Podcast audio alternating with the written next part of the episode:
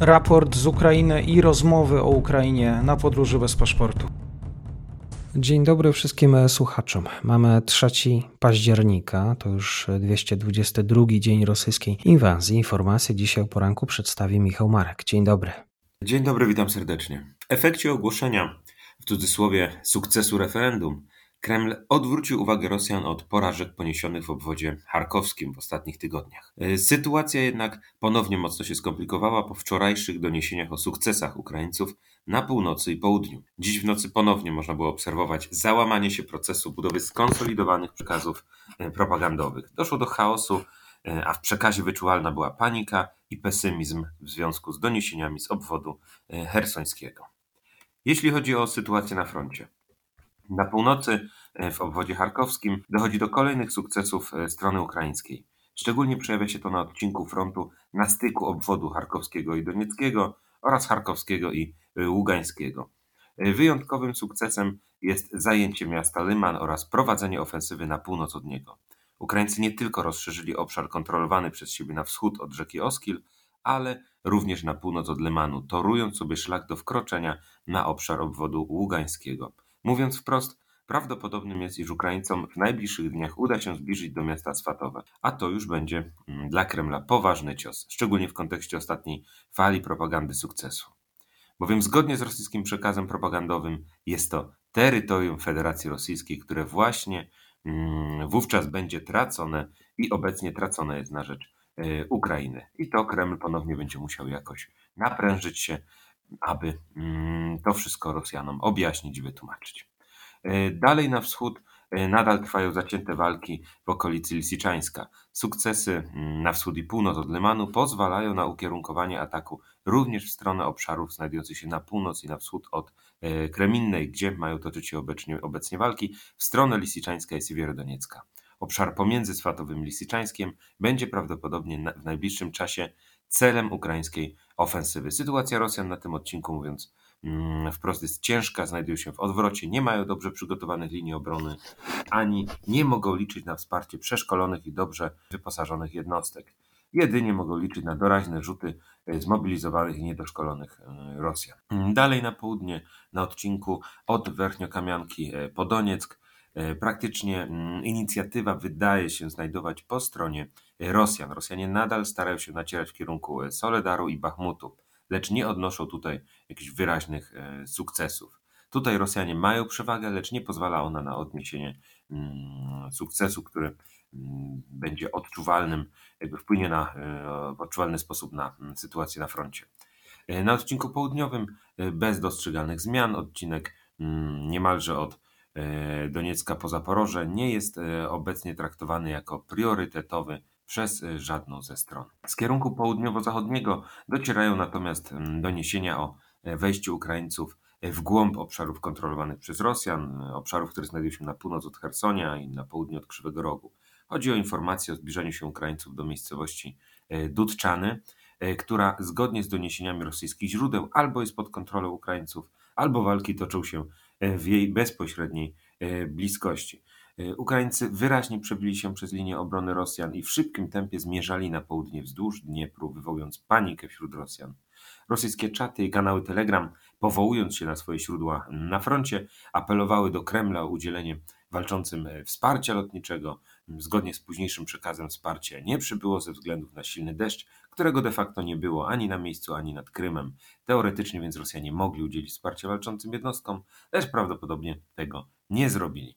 Sytuacja nadal nie jest jasna, czekamy na potwierdzenie dokładnego przebiegu linii frontu. Ukraińcy wstrzymują się z komentowaniem swoich postępów. Zgodnie z, bazując na rosyjskich doniesieniach, Ukraińcy jednak wbili się wzdłuż Dniepra, e, wzdłuż Dniepru na około przynajmniej 30 kilometrów w głąb e, rosyjskiej linii obrony.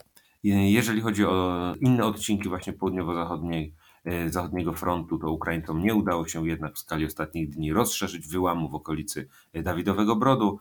Mm, to jest centralny odcinek frontu e, na prawobrzeżu Dniepra, Dniepru w obwodzie hersońskim, ani nie udało się im wyraźnie zbliżyć do Hersonia.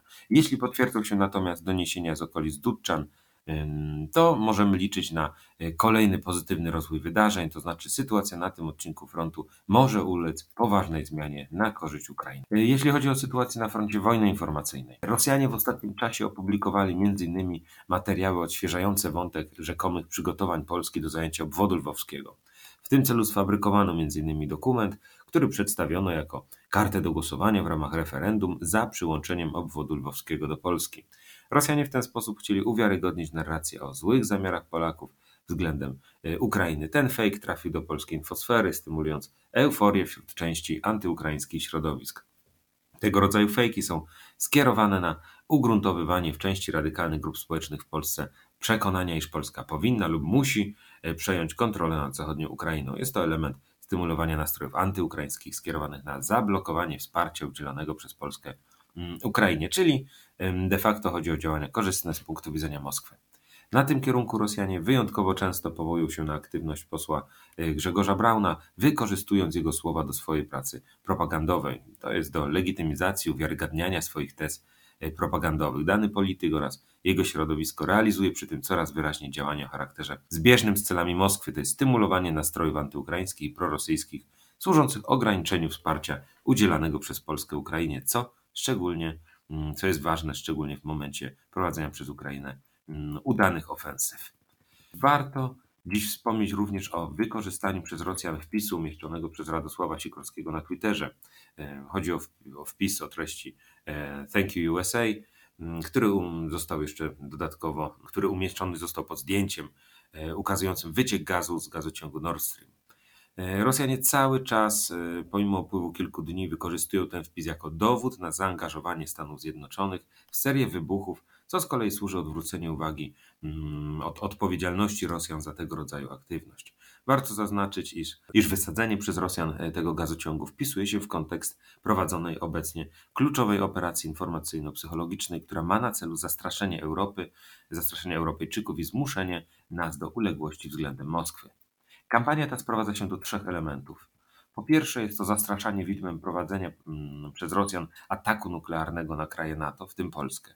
Rosjanie celowo nagłaśniają kwestię potrzeby i rzekomej gotowości Rosji do uderzenia nuklearnego, aby zakorzenić w Polakach i innych narodach Europy strach przed Rosją, a przez to zmusić nas do wstrzymania twardego wobec Rosji kursu e, państw europejskich.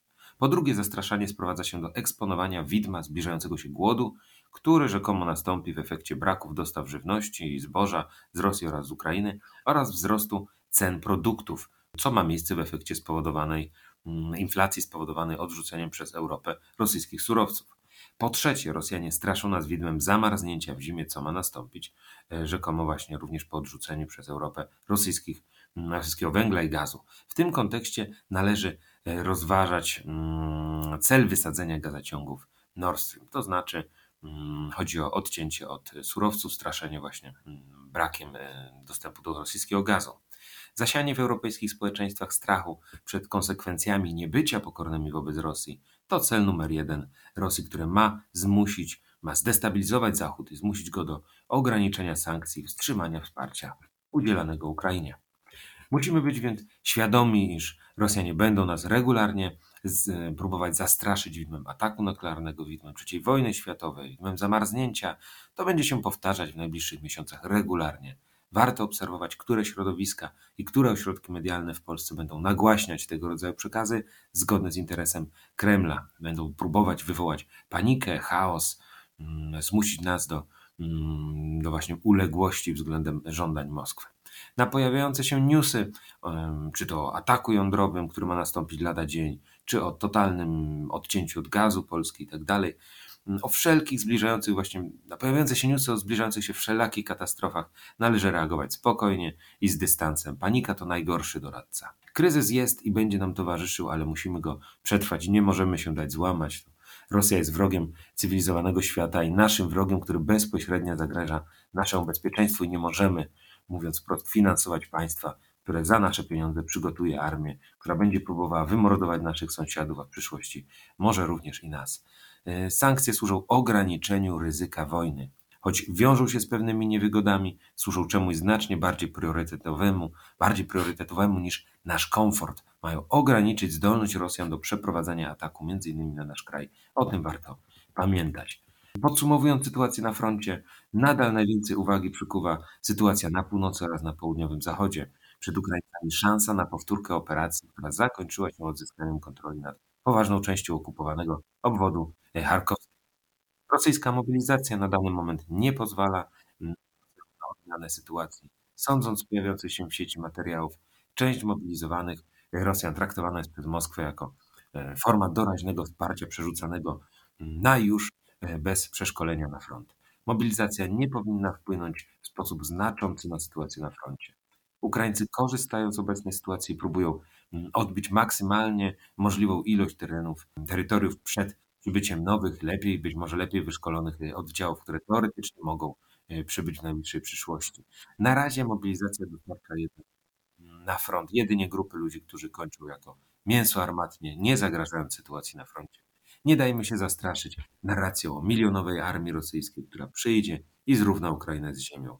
Sankcje, ograniczenia dotkliwe dla jak największej warstwy rosyjskiego społeczeństwa oraz wsparcie militarne dla Ukrainy zatrzyma Rosję i oddali widmo wojny, która mogłaby zaistnieć również na naszym terytorium. Podsumowanie Michał Marek 3 października. Bardzo dziękuję.